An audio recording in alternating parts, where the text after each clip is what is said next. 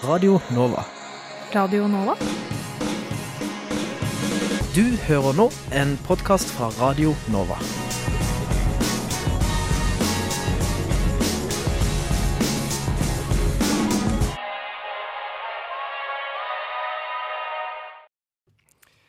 Aller først skal vi snakke om internasjonale handelsavtaler, eh, som også skal debatteres her i studio senere. Og handelsavtaler som TTIP og TISA, er det hemmelige forhandlinger styrt av store selskaper, eller er det avtaler som styrker norsk næringsliv? Avtalene skaper diskusjon og møter sterke protester både i Europa og i USA. Og mange har nok hørt forkortelsene før. Eh, Men hva går egentlig disse avtalene ut på? Har vi grunn til å juble, eller bør vi være skeptiske? Med oss i studio har vi Andreas Moxnes, førsteamanuensis ved Økonomisk institutt ved Universitetet i Oslo. Velkommen. Takk. Du skal informere oss litt om hva avtalene er, og skal vi også ha debatt. Eh, Så vi har Helene Bank, spesialrådgiver i For velferdsstaten her. Velkommen. Takk skal du ha. Og Jan Erik Grindheim, leder for Europabevegelsen. Velkommen til deg òg. Takk skal du ha. Dere skal i debatt seinere, men først må vi jo vite hva disse avtalene er. Eh, Så først og fremst, hva er TTIP og TISA, Moxnes? Altså, dette er to avtaler som uh, forhandles uh, nå. Um, og uh, TTIP er The Transatlantic Trade and Investment Partnership. Så det er en mulig handelsavtale mellom EU og USA. TISA er en avtale som står for Trade in In Services Agreement, som er da en avtale mellom altså Foreløpig er det rundt 50 WTO-land. Eh, som eh, Ideen da er at man skal liberalisere tjenestehandel. Altså Man kan tenke deg ingeniørtjenester eller arkitekttjenester og sånne type ting, som, eh, som er en voksende andel av, av, av verdenshandelen. Så, uh, så disse avtalene har på en måte, de kommer nå fordi at uh, uh, framgangen i Verdens handelsorganisasjon, WTO, har på en måte stanset helt opp. Så prøver landet å finne andre måter på å gjøre handelen eh, friere og lettere på.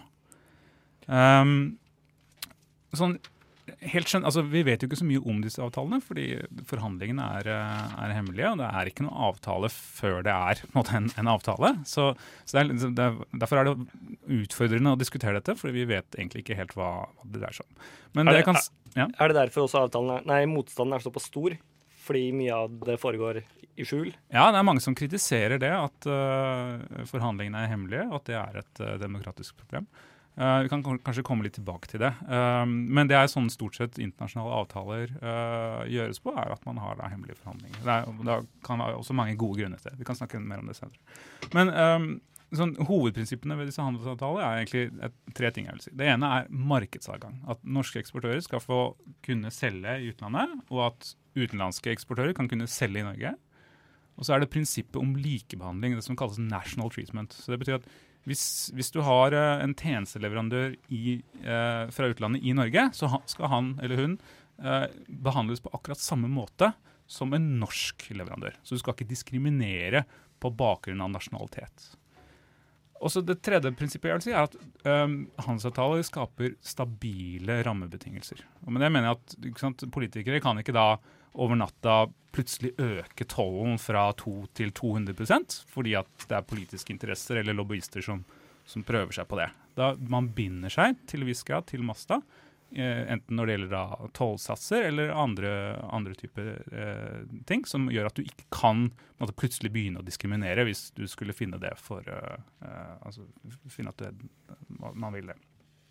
Og det, det er god grunn til å, å bidra til stabile rammebetingelser. Og forskning viser også at det at du reduserer den politiske risikoen, kan ha stor eh, positiv effekt på, på, på, på eksport, blant annet. På, øh, på hvilke områder kan avtalene, eller vil avtalene føre til forandringer i næringslivet? Eh, forandringer i næringslivet. Altså, eh, for Norges del så er det jo ja, det er komplekst. Altså, eh, eh, TTIP er jo en avtale som forhandles mellom EU og USA. Og Norge er jo da per definisjon, eh, sånn som det ser ut i dag, ikke med i den avtalen. Det kan jo hende at det vil skje endringer på det, men det er utgangspunktet nå. Så for norsk næringsliv så vil jo dette være utelukkende negativt. trolig, fordi at amerikanske varer blir billigere i EU. Og dermed blir norske eksportører kommer da dårligere ut. Uh, sånn sett. Når det gjelder TISA, så er det litt annerledes. fordi det er jo en avtale hvor uh, norske eksportører da vil kunne få betydelig bedret markedsadgang i, uh, i utlandet. og samtidig kan vi få mer konkurranse her hjemme, som kan bidra til lavere priser og, ja, og mer effektivitet kanskje her hjemme også. Finnes det noen tilsvarende avtaler allerede i dag? Å ja, vi har massevis av handelsavtaler. Uh, altså det er jo uh, altså, Norge er jo bundet uh, først og fremst av, av, WTO, som er den, den store multilaterale handelsavtalen. da. Og så har vi jo masse bilaterale avtaler allerede, men de er ganske små. da, som det er liksom Avtaler med Singapore og Sør-Korea og sånn. Og så vi, er jo selvfølgelig allerede veldig integrert med det europeiske markedet via EØS-avtalen. I eh, de TT, skal jeg si det riktig, TTIP og TISA, eh, så er det kanskje den delen om tvisteløsningsmekanismene som mm. har fått mest oppmerksomhet. Ja. Eh, hva innebærer de? Ja, altså I TISA så er det ikke noe tvisteløsning, tror jeg, men i TTIP så ligger det på, på bordet. da. Uh, det er det man kaller for uh, ISDS, uh, Investor State Dispute Settlement. Og dette har vært veldig omdiskutert, og det er nok kanskje gode grunner til det også. så kort sagt så innebærer det at det er en egen domstol som kan ta opp saker hvor utenlandske investorer i et land uh, blir diskriminert, eller ikke altså, Hvor da staten ikke eh, forholde seg til de uh, avtalene man har inngått i handelsavtalen. Så sånn Klassiske eksempler på dette her er at hvis uh, ja, La oss si at hvis Norge har en, en ISDS-avtale med Egypt, og et norsk selskap får eiendommen sin ekspropriert i Egypt, at fabrikken blir tatt over av staten f.eks., så kan da den norske bedriften gå til denne domstolen og si at hei, eiendommen min ble ekspropriert, jeg vil ha erstatning. Så Det er liksom hovedprinsippet. og at Du skal da ha en egen domstol, ikke den lokale egyptiske domstolen, men en egen domstol som skal ta seg av dette. Og Grunnen til det er at man da kanskje tenker seg at den, denne domstolen vil være mer upartisk enn en, en lokal, lokal domstol. Så Det er på en måte hovedprinsippet. Og Uh, og dette kommer da eller, eh, Det forhandles også om å, å, ta noen sånne mekanismer inn i, i TTIP. Og, og, det er omdiskutert, uh, bl.a. fordi at man føler at disse, disse domstolene er, en måte, står over måte, de lokale domstolene, som oppfattes kanskje som, uh, som ikke helt, helt riktig. Og så har det også vært noen stygge saker hvor hvor store multinasjonale selskaper har måte gått til sak da, mot, mot, land. Uh, i, ja, og eksempler hvor måte, det, ja, det, det, virkelig strider mot måte, grunnleggende prinsipper. Da. kan det være med å undergrave demokratiet? Altså det, det, vil jeg ikke si. Disse domstolene, det eneste de kan gjøre, er at de kan, uh, altså, de kan gi uh, erstatning til, uh, til, disse selskapene. Men de kan ikke stanse lovgivning eller reversere lovgivning. og sånn. Så, sånn sett så vil, vil, jeg ikke si at det har, har noen demokratiske problemer. Men eh, det er klart, altså Hvis disse erstatningssummene da blir veldig store, eh, så, så, kan man jo tenke seg at uh, det kan være et visst problem. Før vi får debatt her i studio, aller sist, hvordan stiller du deg til avtalene? Er du for eller mot, eller litt mer nøytral? Altså, jeg vil si at Konsensus blant økonomer er at handelsliberalisering innebærer store økonomiske gevinster. Dette er altså avtaler, eller Handelsliberalisering generelt har medført at en betydelig økning i levestandarden uh, i alle land, inkludert Norge. Uh, så Derfor er jeg i utgangspunktet positiv til å fortsette med handelsliberalisering. Um, når det er sagt, så, så, er det ikke så enkelt å si akkurat når det gjelder disse avtalene, fordi vi har ikke noe avtaletekst. Men jeg syns vi skal ta utgangspunkt i at det kan være store positive gevinster ved dette. Og så får vi prøve å veie de gevinstene opp mot eventu de eventuelle problemene som, eh, eh, som, disse avtalene kan ha, så kan vi se om gevinstene er større enn den, enn den kostnaden. Og det vil alltid være noen kostnader, men vi må, vi må, prøve å vurdere det opp mot gevinstene. Da skal vi straks ha debatt her i studio, eh, så kommer vi tilbake til det. At i stedet for å bli bare en nyere versjon av Kyoto, så vil det kanskje være det man kaller for en balansert pakke. Men eh, vi vet at eh, før eller senere, for det er såpass mange av disse legemene, så er det en med adresse jorden. Og når det skjer, så bør vi være forberedt The phrase they always use is 改变命运, which means change your fate. You know, and they say, I don't want to be a farmer like my parents. Jeg tror jo at uh, internasjonal militære nærvær i de 8,5 årene det har stått i Afghanistan, faktisk har bidratt først og fremst til å gjøre situasjonen verre. Opplysningen 99,3 på Radio Nova. Vi er klare til debatt her i studio om handelsavtalene TTIP og TISA. Mm, Andreas Moxnes, du er her fortsatt. Yes. Eh, og Helene Bank, spesialrådgiver i For velferdsstaten. Du møter Jan Erik Grindheim, leder for Europabevegelsen, til debatt. Eh, og dere står på hver deres side i saken om handelsavtaler. Eh, så Helene Bank først, hvorfor har vi grunn til å være skeptisk til avtalene som Moxnes har informert om nå? Jeg tror jeg skal bare starte for liksom å, å, å parkere én sak. Eh, Jeg er ikke imot, og det er ikke heller for velferdsstaten eller handelskampanjen som jeg leder, imot handel. Eh, Men de udemokratiske handelsavtalene som nå er på gang, og som regjeringen sjøl sier er bredere og dypere enn det man noen ganger har forhandla tidligere, står i eh, globaliseringsmeldinga som, som de eh, leverte i fjor, så, så er det noe med at her får du både, som sier her, en tvisteløsningsmekanisme i TTIP, EU-USA-avtalen, som ikke bare handler om å gi erstatning ved ekspropriering av eiendom, men også i tilfelle ny politikk som hindrer fremtidig profitt.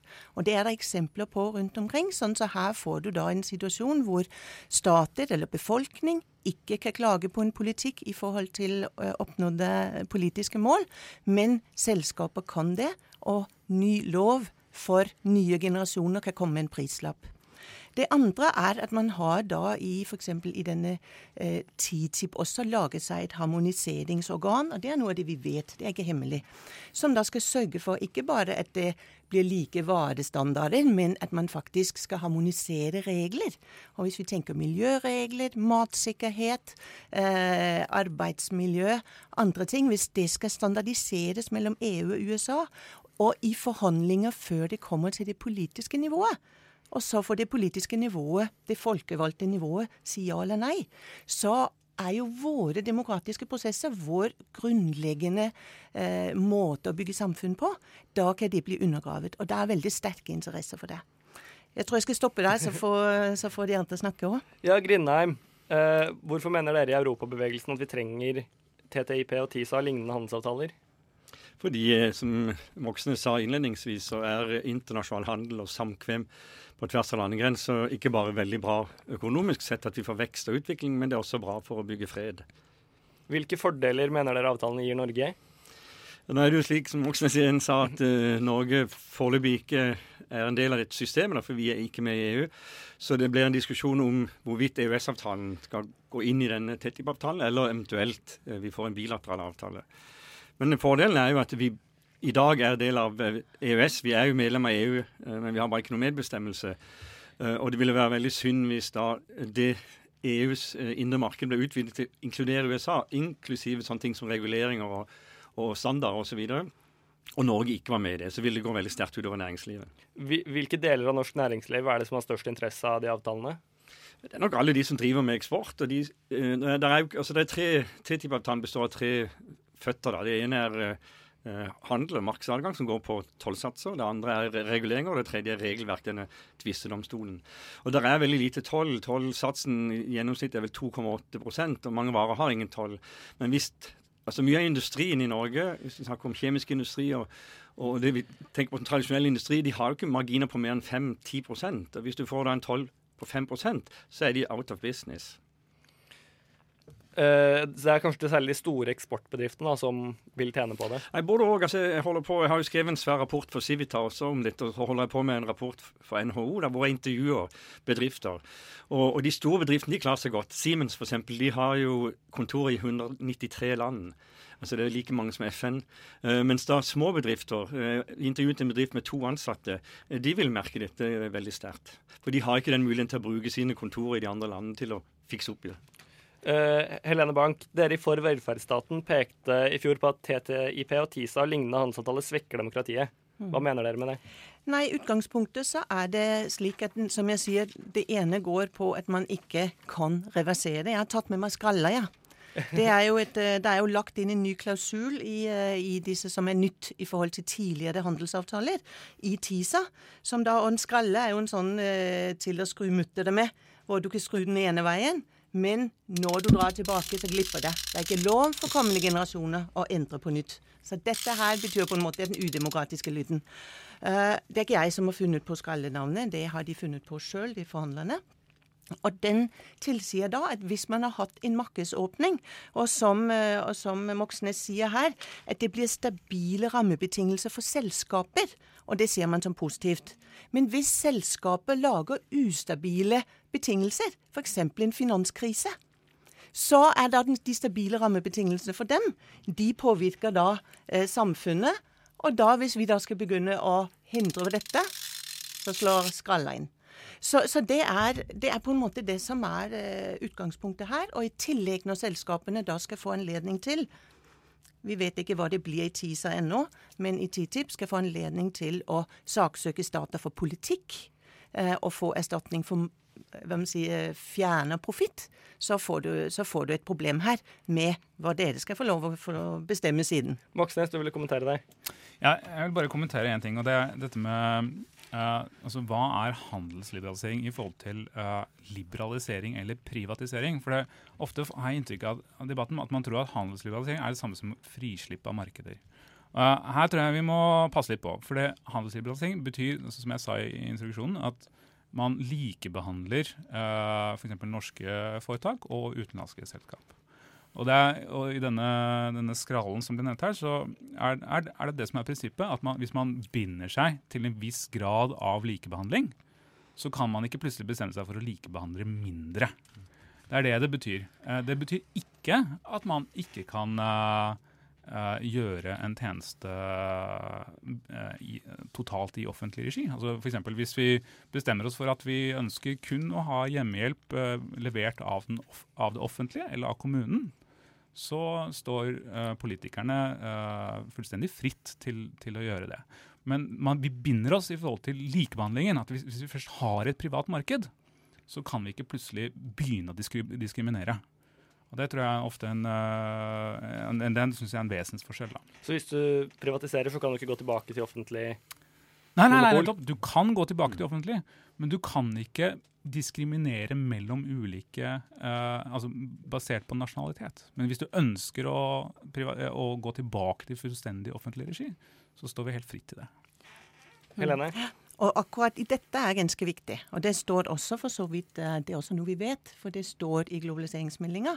Og da skriver, da skriver da regjeringen at hvis en regjering ønsker å privatisere konkurranseutsetting, og etterpå å åpne opp for utenlandske selskaper, og etterpå vil ta det tilbake, så kan man ikke diskriminere mellom utenlandske og nasjonale. Men så når vi spør Utenriksdepartementet, ja, betyr det at en hvis du har først åpnet opp for utenlandske hjemmehjelpstjenester, eh, sier Oransje Helse, som da har base i, eh, i Øst-Europa, og så ønsker du å ha det i et kommunalt foretak, vil da de kommunale foretak ha en spesiell eh, en spesiell rolle, eller vil det bli sett på som en diskriminering av den utenlandske? Og det vil ikke Utenriksdepartementet svare på. Så det betyr har du først åpna opp, så mener jeg at de har selv bekrefta i sin, eh, i sin eh, hva heter det, stortingsmelding at da kan vi faktisk ikke ta det tilbake uten da eventuelt å ende opp i en erstatningssak. Vil noen av dere kommentere Nei, altså jeg er uenig, men eh, Ja. og det er jo det at eh, for Politikken vil alltid være der, og det er også, som Moxnes sa, veldig eh, viktig her med denne tvisteløsningen. Altså, du løser bare den enkelte tvisten. Du stopper ikke politikken på noen som helst måte. Så kan du selvfølgelig si at politikerne får angst. De tør ikke å innføre miljøstandarder eller arbeidsrettigheter osv., men det tror jeg rett og slett ikke er tilfellet. Vi snakker her om to av verdens mest siviliserte handelsblokker, USA og Europa, og de er like gode på mange forskjellige ting. Og de har forskjellige måter. Jeg kjøpte en barnevogn her forleden som har altså, Du kan klippe den opp og klappe den igjen. Og der er det- den amerikanske, det er egen sikkerhetsklarering for det amerikanske markedet og egen for Europa. Så det eneste jeg kan gjøre, eventuelt kanskje klemme fingrene. og Det er jo helt meningsløst å ha sånne standardiseringer. Det er mye bedre å få én sikkerhetsklarering, eller istedenfor to. Helene, vil du si noe? Ja, og det går jo litt på at man snakker så mye om standarder. Og så bruker jo dere, som er for avtalene, og for så vidt økonomisk teori, bruker varestandarder som problemet. Men i dag så er det ISO-standarder som standardiserer varer. Men det er lave tollsatser allerede mellom EU og USA. Så dette handler ikke om standardisering av varer, for det kan ISO gjøre. Da er det de som har feila. Dette handler om standardisering av politikken. Og da må vi jo få lov til, om det er Tyskland, eller om det er England, eller om det er Hellas, eller om det er Norge eller USA, å lage regler som ikke skal koste ekstra penger ved at vi skal betale erstatning til, eh, til eh, selskaper som mener seg utestengt fra markedet. Det er et godt eksempel. fra Kan du kommentere kort? Tida løper litt ifra oss. Oslo nå, så snakk om å få en eh, bilfri indre Oslo. Og det er klart De parker- parkeringsselskapene som har investert noen millioner der, de, de må jo kunne få en erstatning hvis ikke det kommer biler. Eh, Det er bare for å illustrere hva det, hva det betyr når du plutselig blir fratatt muligheten til fremtidig profitt. Som du tross alt har tatt en risiko for å få til.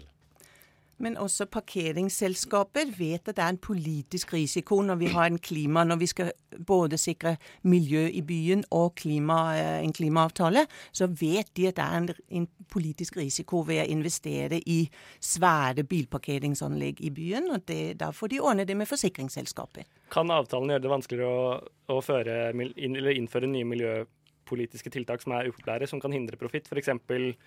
Ja, bilfritt indre sentrum eller eh, flyseteavgift? Uh, nei, altså uh, Som sagt, uh, nye reguleringer kan ikke disse avtalene hindre overhodet. Altså, det er klart, altså, det er en viss risiko i, i ISD-systemet at det vil komme, komme søksmål. og Det har vi sett, sett tidligere også. Men å hindre regulering vil aldri kunne skje. Det tror jeg får bli siste ord, for nå har tida løpt ifra oss. Tusen takk for at dere kunne komme. Helene Bank, spesialrådgiver i For velferdsstaten. Andreas Moxnes, førsteamanuensis ved Økonomisk institutt på Universitetet i Oslo. Og Jan Erik Grindheim, leder for Europabevegelsen.